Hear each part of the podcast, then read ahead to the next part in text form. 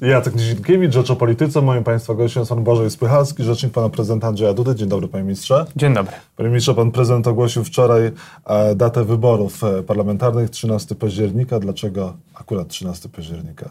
No, pan prezydent kilka dni temu o tym mówił, że chciałby, żeby ta kampania wyborcza nie była specjalnie długa, dlatego że proszę pamiętać o tym, jesteśmy w cyklu kampanii wyborczych, to jest trzecia z kolei kampania wyborcza. Mieliśmy kampanię wyborczą samorządową, później kampanię wyborczą do Parlamentu Europejskiego. Teraz będzie kampania wyborcza parlamentarna, więc pan prezydent nie chce, żeby ten ogień kampanii, to, to bardzo silne zwarcie, które naturalnie występuje w kampanii wyborczej, występowało w bardzo długim okresie czasu i, i, stąd taka decyzja, że ten 13 października będzie najbardziej, najlepszą datą, najbardziej optymalną datą. Przy czym też jakby proszę pamiętać o tej drugiej stronie, czyli te pięć niedziel, które były możliwe, 13, 20, 27 października, 3 i 10 listopada, no to jakby od razu widać, że te trzy ostatnie daty, 27 października, 3 i 10 listopada, one no, nie były specjalnie, e, specjalnie dobre, jeżeli chodzi o termin wyborów. Zostawał 13 i 20 października i tak jak mówię, no pan prezydent podjął decyzję, że nie chciałby, żeby kampania wyborcza była bardzo długa i stąd e, ten 13 października wniosek do Państwowej Komisji Wyborczej pan prezydent złożył w zeszłym tygodniu. Państwowa Komisja Wyborcza wczoraj wydała opinię pozytywną co do tej e, daty i tak jak pan prezydent mówił wcześniej, wczoraj podjął decyzję o, o zarządzeniu wyborów na 13 października. Decyzja została wysłana do e, Kancelarii Prezesa Rady Ministrów do opublikowania w Dzienniku Urzędowym Czyli pan, pan prezydent tak. nie chce męczyć Polaków e, polityką zbyt długą kampanią. Pan prezydent nie chce przede wszystkim, żeby ten okres takiego silnego zwarcia politycznego, który no zawsze niespecjalnie służy e, naszemu krajowi, żeby był specjalnie długi i stąd taka decyzja. A nie jest e, stąd taka decyzja po to, żeby taki krótki okres e, kampanii służył Prawu i Sprawiedliwości. No jednak te mniejsze ugrupowania, które e, teraz mają czas na zbieranie podpisów, no mają mało czasu, e, żeby te podpisy złożyć. No, ale wszyscy mają tyle samo czasu na to, no, żeby Prawo i Sprawiedliwość, duże ugrupowanie, nie jest w interesie Prawa i Sprawiedliwości, żeby ta kampania trwała dłużej, żeby te wiele tematów wylewało się, które nie służą jednak Prawu i Sprawiedliwości. Ale proszę mi powiedzieć, kto konkretnie y, mówi o tym, że ten taki termin dla każdego taki sam na zbieranie podpisów Kukiz jest... 15, y, Ale Kukiz 15 z tego co wiem y, właśnie chyba jest na ostatniej prostej, jeżeli chodzi o dogadanie się z Polskim Stronnictwem Ludowym. Wie pan, dla każdego termin jest taki sam. Proszę pamiętać o tym, że ugrupowania parlamentarne mają 4 lata na to, żeby przekonywać Polaków do siebie, żeby pokazywać propozycje Czyli programowe. Kampania trwa cały czas. Mm, no, nie da się ukryć, no bo przecież na tym to polega, że w parlamencie ugrupowania mm, pokazują swoje pomysły na Polskę, swoje rozwiązania, e, zgłaszają projekty ustaw. Czyli nie jest to, to termin pod Prawo i Sprawiedliwość. Absolutnie nie ma to żadnego związku. No ale wcześniej pan premier ogłosił, kiedy będą wybory, bo w lipcu, na początku lipca na Kongresie Prawa i Sprawiedliwości w Katowicach powiedział, że te wybory będą 13 października, więc wygląda na to, że pan premier i Prawo i Sprawiedliwość wcześniej wiedzieli, jakby ale podyktowali pan, no to, panu prezydentowi. To jest tak, że no nie, zacznijmy od tego, że to jest prerogatywa, wyłączna prerogatywa prezydenta Rzeczypospolitej Polskiej. Technicznie To jest pierwsza tak. sprawa. E, no, nie technicznie, tylko konstytucyjnie. Konstytucyjnie, ale ktoś druga sprawa, druga sprawa, oczywiście, że pan prezydent, oczywiście, że pan prezydent, zresztą pan prezydent sam to o tym publicznie mówił.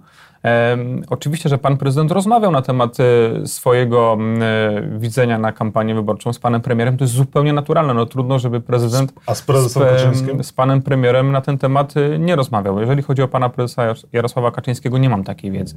Natomiast na pewno była taka rozmowa z panem premierem. E, I stąd pewnie też e, te słowa pana premiera, które padły. Natomiast Czyli premier raz, wiedział wcześniej, kiedy. Pan premier wiedział o tym, e, do której daty skłania się pan prezydent, bo taka rozmowa była i o tym mówił To nie było niezręczne dla Pałacu Prezydenckiego? No wie pan, pewnie, że było, natomiast no to tak już, tak już to funkcjonuje. Proszę, bo wie pan, wiele osób doszukuje się tutaj, prawda, jakiś konflikt, może coś. Nie, no ja też jakby rozumiem pana premiera. Mm, no, zdarzyło się, że pan premier o tym powiedział, natomiast Błąd. Nie, no wie pan, no, zdarza się, no trudno. No, trudno. Cztery lata prezydentury Andrzeja Dudy, z których e, inicjatyw prezydenckich pan prezydent jest najbardziej zadowolony? No, tych inicjatyw było bardzo dużo i możemy je pogrupować na te inicjatywy krajowe, mm, inicjatywy legislacyjne, ale także na legislacyjnych może. Na, ale no, największym osiągnięciem z całą pewnością jest ustawa, która przywracała e, poprzedni wiek emerytalny i to było chyba właściwie największe zobowiązanie pana prezydenta Andrzeja Dudy z kampanii wyborczej, że mm, przygotuje rozwiązanie, które prześle do Sejmu i, i przywróci poprzedni wiek emerytalny i to się zdarzyło na, na samym początku mm, prezydentury pana prezydenta Andrzeja Dudy i to jest chyba największe osiągnięcie, jeżeli chodzi o te osiągnięcia legislacyjne. Oczywiście ich było zdecydowanie więcej, bo wszystkie te kwestie związane z polityką społeczną, e, realizowaną przez obecny rząd i, i tutaj współpraca pana prezydenta ze środowiskiem Frankowicze nie doczekali się obiecanej pomocy. E, Frankowicze doczekali się takiej pomocy, na jaką zdecydował się parlament po przedłużeniach pana prezydenta. E, no proszę pamiętać, że mamy trójpodział władzy. Pan prezydent przygotował pewne rozwiązania, natomiast no tutaj jakby decyzja parlamentu była taka, jaka, jaka była. E, a czy pan prezydent zgodnie z zapowiedzią z 2017 roku zwoła, zarządzi referendum w sprawie emigrantów, w sprawie przyjmowania e, emigrantów w 2019 roku? Tak pan prezydent mówił, że w trakcie wyborów parlamentarnych dobrze byłoby, gdyby to referendum było w sprawie przyjmowania Wie pan, że choćby z uwagi na y, uwarunkowania polityczne dzisiaj takiej możliwości nie ma. E, pan prezydent mówił o referendum, w, zdaje się, około pół roku temu, że w tym okresie takim stricte kampanijnym, ponieważ ten temat w ogóle tak. jakby na razie zniknął, nie ma, nie ma takiej możliwości. A pan prezydent kiedy ogłosi, czy będzie kandydował, e, ponownie ubiegał się o urząd prezydenta? Teraz, w trakcie tej kampanii? Proszę pamiętać o tym, o czym mówiłem wcześniej. Mamy okres trzech kampanii wyborczych kolejnych. Po wyborach parlamentarnych po 13 października będziemy mieli E, wszystkie te kwestie związane z powoływaniem nowego rządu, tutaj rola pana prezydenta jest ogromna. E, I to też będzie trwało, bo choćby z uwagi na uwarunkowania konstytucyjne to będzie trwało, więc e, nie sądzę, żeby tutaj decyzja pana prezydenta, czy decyzja pana prezydenta była ogłoszona przez pana prezydenta w tym roku. Sądzę, że raczej na początku przyszłego, aczkolwiek wie pan, no to jest decyzja pana prezydenta indywidualna, to pan prezydent będzie ją podejmował i ogłaszał. Zapytam o pańską decyzję indywidualną. Pan będzie kandydował w wyborach parlamentarnych? nie, mam, nie mam takiej, nie mam takiej potrzeby. Nie, nie, nie bo, bo coś e, prezydentowi ludzie się wykruszają, ekipa pana prezydenta. A dlaczego tak gabinet, tak gabinet, e, szef gabinetu prezydenta, pan Krzysztof Szczerski, e, ubiega się o kolejne stanowisko zagraniczne. Wcześniej rzecznicy się bardzo tasowali. A o jakie jest swoją drogą stanowisko ubiega się Krzysztof Szczerski? Wie pan, minister Krzysztof Szczerski jest świetnym e, dyplomatą, jest osobą, która doskonale zna się na realiach międzynarodowych, na polityce międzynarodowej, w szczególności polityce europejskiej. Mhm. E, stąd decyzja polskiego rządu, oczywiście w uzgodnieniu e, z prezydentem Rzeczpospolitej Polskiej, że minister Krzysztof Szczerski, szef gabinetu prezydenta Rzeczpospolitej, będzie polskim kandydatem na stanowisko komisarza unijnego i no tutaj ta decyzja w pełni uzgodniona została przedstawiona przez pana premiera e, Mateusza Ale Morawieckiego. Stanowisko? No, stanowisko polskiego komisarza w Komisji Europejskiej. Ale tak? w sprawie. Ja, ja, no, to jest, komisarz to jest, od czego? To jest właśnie? oczywiście w tej chwili jeszcze dyskutowane przez polski rząd i tutaj polski rząd będzie A. przekazywał stosowne informacje. Ale pan e, Krzysztof Szerski wie, o jakie stanowisko się ubiega? My mamy oczywiście wiedzę na, na, na, ten temat, natomiast dysponentem tej wiedzy jest przede wszystkim polski rząd i polski rząd po uzgodnieniu z panią e, Ursulą von der Leyen będzie te informacje przekazywał. Jakie są szanse na to, żeby Krzysztof Szczerski objął stanowisko komisarza unijnego? Każdy kraj członek Unii Europejskiej ma swojego komisarza w Komisji Europejskiej. W związku z powyższym, e, w związku z powyższym no, Polska także będzie miała swojego komisarza i, i kandydatem jest minister Krzysztof Szczerski. A nie jest... E, a dlaczego nie chce pan Szczerski pracować z panem prezydentem Andrzejem Dudą? Ale pan minister Krzysztof Szczerski od wielu lat współpracuje z panem no prezydentem. Właśnie, bardzo nagle... blisko współpracuje z panem prezydentem. E, jest taka potrzeba, żeby stanowisko komisarza w Komisji Europejskiej objął świetny fachowiec. I takim świetnym fachowcem jest minister Krzysztof Szczerski.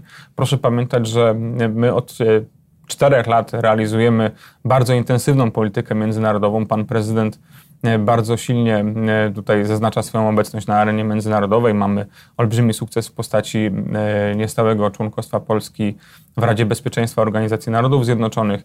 Mamy inicjatywę Trójmorza. Relacje polsko-amerykańskie, transatlantyckie są bardzo intensywne. Tak. Więc tutaj pan minister Krzysztof Szczerski te, także wszędzie jest obecny, no i stąd E, jak mówiłem wcześniej, to jest świetny fachowiec, stąd decyzja polskiego rządu, stąd propozycja pana premiera, aby właśnie pan minister Krzysztof Szczerski objął stanowisko objął tekę komisarza. A nie ma e, Komisji obawy, że Andrzej Duda e, nie zostanie ponownie prezydentem, dlatego ci ludzie się wykruszają jak Krzysztof Szczerski, jak Krzysztof Łapiński, wcześniej rzecznik prezydenta, jak Marek Magierowski. No Ale wie pan, każdy z nich objął mm, e, inne stanowisko, każdy z nich podjął indywidualną Krzysztof decyzję. Łapiński zwolał założyć e, firmę prywatną. No ale to też pan minister Krzysztof Łapiński tłumaczył, dlaczego taka decyzja, ona nie wynikała z uwarunkowań, tak powiem, pałacowych, ale z jego indywidualnych przemyśleń. Pan mm, Marek Magierowski jest dzisiaj ambasadorem Polski w Izraelu. Pan minister Krzysztof Czerski jest polskim kandydatem na e, komisarza europejskiego. To pokazuje co innego, że e, ci, którzy współpracują z panem prezydentem, to są świetni fachowcy i oni są po prostu potrzebni na róż, w różnych miejscach, e, nie tylko w Polsce, ale i na świecie. Jak mówił świętej pamięci Józef Oleksy, wszędzie e, ich potrzebują. No, Mówi wie tak pan, ale no to tutaj realia, realia pokazują, że tak jest. E, panie ministrze, a, a proszę powiedzieć, dlaczego pan prezydent objął z patronatem Brygadę Świętokrzyską? A dlaczego nie? No, bo jest to dosyć wątpliwa historycznie Tak? e, brygada i współpracowała chociażby z Gestapo. Wie pan, jeżeli chodzi o Brygadę Świętokrzyską, oczywiście są takie momenty w jej historii, które wymagają wyjaśnienia, niech się historycy tym zajmą. Natomiast e, czy wie pan, że Brygada Świętokrzyska wyzwalała obóz e, w Holiszowie, w którym przebywało około tysiąc więźniarek, w większości Żydówek, e, obóz, który był gotowy do e, zniszczenia przez Niemców i gdyby nie działalność Brygady Świętokrzyskiej, to te ponad tysiąc osób by po prostu zginęło. Ale sam pan mówi o pewnych wątpliwościach ale, my po, ale pokazuje panu, ale pokazuje panu, ale mogę dokończyć, faktem. ale pokazuje Proszę. panu to, co jest z całą pewnością chwalebne w historii Brygady Świętokrzyskiej. Gdyby nie ich działalność, gdyby nie ich poświęcenie, te ponad tysiąc osób w obozie dla kobiet w Holiszowie po prostu by zginęły. Patrzymy na to, co jest chwalebne, Ale jest też druga strona patrzymy na medalu. to, co jest dobre. E, Dzisiaj pan minister Jan Józef Kasprzyk, który zwrócił się do pana prezydenta z wnioskiem o objęcie patronatem e, nad Brygadą Świętokrzyską, e, z tego co wiem, będzie organizował konferencję, na której będzie dokładnie tłumaczył, dlaczego takie, a nie inne. Ja e, mogę powiedzieć tak, Gdyby nie Brygada Świętokrzyska, to z całą pewnością te tysiąc osób, ponad tysiąc osób, o których wspominałem w obozie w Holiszowie, by zginęło. E, Choćby z tego powodu warto doceniać ich poświęcenie. Czyli pan prezydent nie miał wątpliwości, żeby objąć patronatem e, Brygadę Świętokrzyską. Pan minister e, Józef Kasprzyk będzie to e, dzisiaj tłumaczył, natomiast tak jak mówię, pokazujmy to, co jest chwalebne, bo to jest dobre. E, Panie prezydencie, panie, panie ministrze. No nie, no wie pan. Wszystko, wszystko w swoim czasie. Czy pan prezydent latał, nadużywał lotów samolotem rządowym? No, pytanie postawione w ten sposób y, być, myślę, nie powinno. Pan prezydent używa transportu lotniczego, z, y, które przysługuje panu prezydentowi jako głowie państwa zgodnie z y, jego przeznaczeniem. E, No, pytanie może nie powinno w ten sposób zostać postawione, ale gdy okazuje się, że Marek Kuchciński, druga osoba w państwie, jednak latała i nadużywała tych przywilejów władzy i wychodzą co rusz to nowe informacje, o którym wcześniej kancelaria e, Sejmu zaprzeczała, będąc pytana przez e, dziennikarzy, no to różne pytania się nasuwają, panie Wie ministrze. pan, m, wielokrotnie byliśmy jako kancelaria prezydenta pytani o, o loty pana prezydenta transportem y, tym rządowym, wojskowym, ale także cywilnym, który też przecież panu prezydentowi przysługuje. E, Nie mamy z tym żadnego problemu. E, Wie pan doskonale, że pan prezydent, nawet w sytuacji, w której leciał em, z małżonką do Stanów Zjednoczonych w czerwcu, córka pana prezydenta nie leciała z panem prezydentem rządowym samolotem, tylko poleciała wcześniej samolotem rejsowym, za który za bilet zapłacił em, pan prezydent. Więc y, po pierwsze nie mamy nic do ukrycia, po drugie korzystamy z transportu lotniczego zgodnie z jego przeznaczeniem e, i nie nadużywamy z całą pewnością. Nie było tak, że na przykład na Hel e, latała małżonka pana prezydenta albo córka sama? Nigdy nie zdarzyło się tak, żeby pan prezydent, żeby małżonka pana prezydenta korzystała z transportu lotniczego bez e, pana prezydenta. Zawsze jest tak, że e, pan prezydent jest na pokładzie, kiedy pierwsza dama leci, e, korzysta z tego transportu. Powiem więcej. E, Wczoraj to e, zresztą e, gdzieś na Twitterze się pojawiło takie pytanie. Otóż e, nawet na Światowe Dni Młodzieży, które miały miejsce w Panamie, małżonka pana prezydenta korzystała z e, linii rejsowych, nie korzystała z transportu e, naszego rządowego, choć pewnie mogłaby, ale, ale chodzi o to, żeby nie nadużywać, żeby, żeby tutaj nie było nawet jakiejkolwiek wątpliwości w związku z powyższym. Wtedy nawet korzystała z transportu, z, normalnej, no, z normalnego transportu rejsowego. Czy pan prezydent Andrzej Duda jest zbulwersowany tym nadużyciem władzy, przywilejów przez Marka Kuchcińskiego? Z całą pewnością ta sprawa musi być wyjaśniona i to wyjaśniona dobrze. E, te informacje, które się pojawiają, no co chwilę nowe, mm, no to też jakby pytanie, e, czy tutaj doszło do nadużycia, czy do złamania prawa. Wydaje się, że do złamania prawa nie doszło. E, natomiast czy, czy były nadużycia? No wie pan, to, to musi każdy rozstrzygnąć sam. Przede wszystkim musi rozstrzygnąć Sejm. Jak rozumiem, rozstrzygnie to w najbliższy piątek. I myśli Pan, że jeżeli e, Prawo i Sprawiedliwość, które ma większość w Sejmie, e, zagłosuje za utrzymaniem Marka Kucińskiego na funkcji marszałka Sejmu, to sprawa będzie zamknięta? Mm, e, wie Pan, no, będzie debata, poczekajmy do rozstrzygnięcia Sejm przez Sejm i tyle. Myśli Pan, że ta sprawa zaszkodzi Prawo i Sprawiedliwości w wyborach no, trudno, mi trudno mi powiedzieć, wie Pan, mamy też taki sezon, jaki mamy. Ja rozumiem, że opozycja mm, wykorzystuje to jak może. No, z jednej strony trudno się dziwić, z drugiej strony warto pamiętać o tym, że nie sądzę, żeby Polacy głosowali mm, przeciwko Prawu i Sprawiedliwości z uwagi na tą e, sprawę. Myślę, że Polacy raczej głosują pozytywnie, czyli za tymi, którzy przedstawiają konkretne propozycje programowe, którzy mogą się e, mogą pokazać, co zrobili konkretnego dla Polski przez okres, kiedy rządzili. I namawiałbym każdego, e, czy stronę rządową, czy stronę opozycyjną, czy inne podmioty, które chcą startować w wyborach e, parlamentarnych, do tego, żeby przedstawiali swoje propozycje programowe i przedstawiali merytoryczną debatę na temat tego, co chcą zrobić dla Polski, a nie wykorzystywali w sposób polityczny tej sytuacji, bo myślę, że to nikomu nic e, dobrego nie da. Wspomniał Pan o debatach, powinny się odbyć debaty warszawskich jedynek, w ogóle jedynek list parlamentarnych, e, opozycji, na przykład Jarosława Kaczyńskiego z Grzegorzem Schetyną? Przede wszystkim uważam, że powinny się odbyć debaty programowe, znaczy partie powinny przedstawić swoje programy, swoje pomysły na Polskę i to jest rzecz najważniejsza. A czy... No jak ta debata e... powinna wyglądać? Debata Mateusza ale wie pan, ale dzisiaj... czy... Nie, ja przede wszystkim chciałbym, żeby w formie takiej spisanej, do łatwiej do przyswojenia, przystępnej, partie polityczne, komitety, które startują w wyborach, przedstawiły swoje propozycje dla Polski, swoje programy. E, czy tak będzie? No myślę, że w ciągu najbliższych e, mm, dwóch, trzech tygodni to się okaże, mhm. ale wydaje mi się, że przede wszystkim debata powinna być debatą merytoryczną na temat propozycji programowych, a wie pan, czy będą tutaj jakieś debaty jedynek, czy one są jakoś specjalnie potrzebne? Nie wiem, to już sztaby muszą rozstrzygać. Czy pan prezydent włączy się w kampanię parlamentarną? No absolutnie nie może, no to choćby z uwagi na swoją apolityczność, to jest po pierwsze, chyba, że pyta pan o te E, wszystkie mm, kwestie związane z konstytucyjnymi uprawnieniami pana prezydenta, no to choćby wyznaczenie terminu wyborów pokazuje, że tu musi. Tak? No to... W żadnym stopniu nie będzie wspierał obóz rządzący Prawo i Sprawiedliwość, nie będzie Dokładnie tak wskazywał, tak samo, nie będzie jeździł w te miejsca, gdzie są poszczególni kandydaci. Dokładnie tak samo, wie pan, jak w kampanii mm, samorządowej, dokładnie tak samo jak w kampanii do Parlamentu Europejskiego. Pan prezydent jest apolityczny, pan prezydent nie wspiera żadnej partii politycznej i, i żadnego z kandydatów. Komentatorzy jednak mają inne zdanie, że jednak jest zbyt blisko związany z Prawem i Sprawiedliwością i właściwie podpisuje wszystko to, e, co Prawo i Sprawiedliwość podsunie panu prezydentowi pod nos, a wcześniej pan Andrzej Duda mówił, będąc kandydatem, że e, no, Bronisław Komorowski jest notariuszem. I właściwie to nawet wie pan, Doskonale pan wie, że y, ilość niepodpisanych ustaw, które parlament przyjął przez pana prezydenta Andrzeja Duda jest zdecydowanie większy niż to, co to, czego nie podpisywał pan Bronisław Komorowski. No choćby przypomnę sprawę właśnie wieku emerytalnego. No pamiętam, że Bronisław Komorowski bez mrugnięcia okiem e, tę ustawę podpisał, więc jednak tutaj różnica jest ogromna, a przypomnę choćby ustawy sądowe, które pan prezydent zawetował. Wie pan, to jest tak, że komentatorów e, rolą jest e, rozmowa, debata o polityce, natomiast fakty są takie, jakie są i one są niezaprzeczalne. Więc tutaj, no wie pan... Nazywanie Andrzeja Dudy notariuszem rządu PiS jest nadużyciem. No jest zdecydowanym nadużyciem, jest zupełnie nieuprawnione.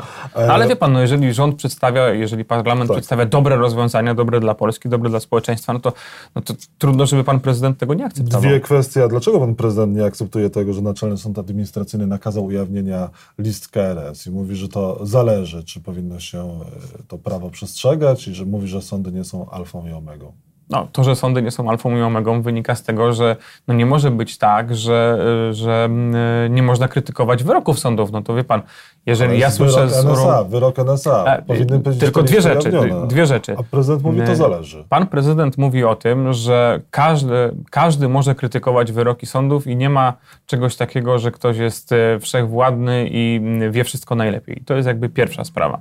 Druga sprawa e, co do decyzji NSA i co do decyzji, jak rozumiem, e, e, Urzędu Ochrony Danych Osobowych. No wie pan, trudno mi komentować decyzję prezesa urzędu, który, jeżeli chodzi o RODO, stwierdził, że to musi być zweryfikowane. No wie pan, no, cóż mogę powiedzieć?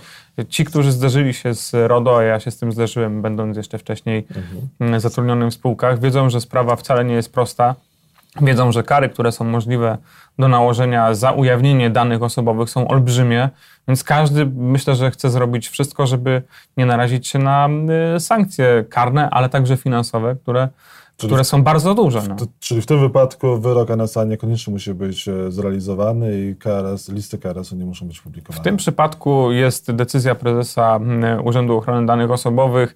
Na jego decyzję przysługuje skarga do sądu administracyjnego i myślę, że droga sądowa jest e, otwarta. Powstanie w Polsce Fort Trump?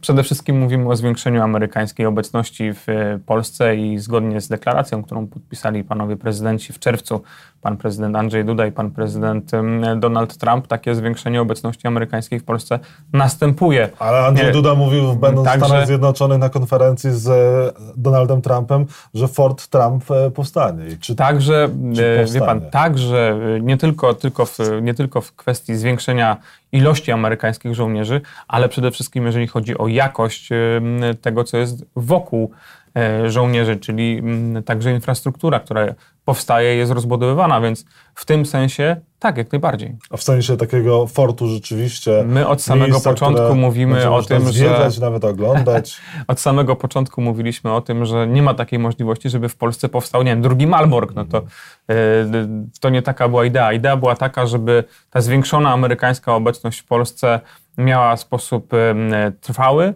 to po pierwsze, a po drugie nie tylko żołnierze, ale także zaplecze i infrastruktura, co, na czym nam ogromnie zależało i to ma miejsce. Mm, czy pan prezydent Andrzej Duda będzie rozmawiał z prezydentem Trumpem o tym liście, który 88 senatorów wystosowało w sprawie restytucji e, mienia żydowskiego w Polsce? Nie sądzę. To nie jest temat, który powinien zostać podniesiony? To nie jest temat, który e, może godzić e, w, w polskie społeczeństwo? Stanowisko polskich władz jest znane powszechnie. My uważamy, że ta sprawa jest sprawą zamkniętą. Polskie e, rozwiązania prawne są tutaj jasne. Jeżeli jest mienie bezspadkowe, o takim mówimy, e, to ono przechodzi na skarb państwa i ta sprawa jest dla nas zamknięta. Mhm. Jakieś niespodzianki prezydent Andrzej Duda szykuje dla Donalda Trumpa? No, poczekajmy do wizyty. E, proszę pamiętać o tym, że to jest wizyta nie tylko pana prezydenta Donalda Trumpa, ale to będzie, mm, e, to jest rocznica wybuchu, 80. Tak rocznica jest. wybuchu II wojny światowej. Będzie tutaj wielu przywódców krajów ale sam ze świata. Donald Trump prawie trzy dni spędził w Polsce. no i bardzo jesteśmy z tego zadowoleni. To pokazuje, że te relacje polsko-amerykańskie niezwykle intensywne, one nigdy w historii nie były tak intensywne i nie przynosiły tylu konkretnych rozwiązań, korzyści dla jednej i dla drugiej strony, że te relacje są po prostu bardzo dobre i stąd decyzja pana prezydenta Donalda Trumpa z całą pewnością, żeby w Warszawie być dłużej niż jeden no, dzień. Donald Trump pytany w, w rocznicę Powstania Warszawskiego, wybuchu Powstania Warszawskiego o przesłanie dla Polaków powiedział, że bardzo lubi Polaków, Polacy lubią jego i w Polsce jest budowany właśnie, e, w Pol Polska wyda w 100% e, pieniądze na to, żeby na instalacje wojskowe. No, ale my od samego początku też o tym mówiliśmy, że te pieniądze, Czyli które biznes, oferujemy biznes. na info. Może nie ale, ale chcemy, bardziej. wie pan, przyjaźń i biznes, y, bezpieczeństwo energetyczne na przykład. My od samego początku mówimy, że te pieniądze, które oferujemy na budowę infrastruktury dla żołnierzy amerykańskich, wydamy my tutaj, w Polsce. Więc pan prezydent Donald Trump też się do tego odniósł, mówiąc, że jest właśnie z tego powodu zadowolony, że Polacy chcą wydać pieniądze na budowę infrastruktury dla amerykańskich żołnierzy w Polsce. Nie będzie musiała wydawać tych pieniędzy strona amerykańska, natomiast strona amerykańska oczywiście e, zapewnia żołnierzy i, i, i sprzęt. Dobre relacje mają prywatne Andrzej Duda z Donaldem Trumpem? No, bardzo dobre bym powiedział. Dzwonią do siebie też prywatnie, mają kontakt? Oczywiście, że te relacje e, na kanwie prywatnej mm, e, dotyczą nie tylko takiego dzwonienia, bo, bo, bo nie o to chodzi. Natomiast, e, jak pan zauważył pewnie podczas rozmów, one się zawsze przeciągają, one zawsze są dłuższe, dlatego że te rozmowy są takie przyjacielskie, otwarte i po prostu bardzo dobre. Donald Trump, przyjaciel Andrzeja Dudy. Ja, Donald Trump, przyjaciel Andrzeja Duda, ale przede wszystkim przyjaciel Polski i Polaków. I na koniec, Andrzej Duda wolałby się zmierzyć w wyborach prezydenckich z Donaldem Tuskiem czy z Robertem Biedroniem? Robert Biedroń i Lewica zapowiedzieli, że to właśnie Robert Biedroń będzie kandydatem Lewicy na prezydenta. Dzisiaj mamy okres y, przedwyborczy, okres y, za chwilę kampanii wyborczej parlamentarnej do kampanii wyborczej y, prezydenckiej. Jeszcze jest chyba, zdaje się, 9 miesięcy, dużo czasu. Myślę, że z całą pewnością w tych wyborach prezydenckich będzie startował wieczny Janusz Korwin-Mikke, a co do innych kandydatów, trudno mi powiedzieć, Ale pan, Biedroń będzie startował. groźnym kandydatem wydaje się dla Andrzeja Dudy? Pan, Robert Biedroń, e, przypominam sobie, mówił o tym, że chce kandydować do Parlamentu Europejskiego, zrezygnować z mandatu. Nie zrezygnował, więc pan, te zapowiedzi Roberta Biedronia trzeba, myślę, traktować z pewnym przymrożeniem oka. Dziękuję bardzo. Moim Państwa gościem Pan Błażej Spychalski, rzecznik prezydenta Andrzeja Dudy. Dziękuję bardzo.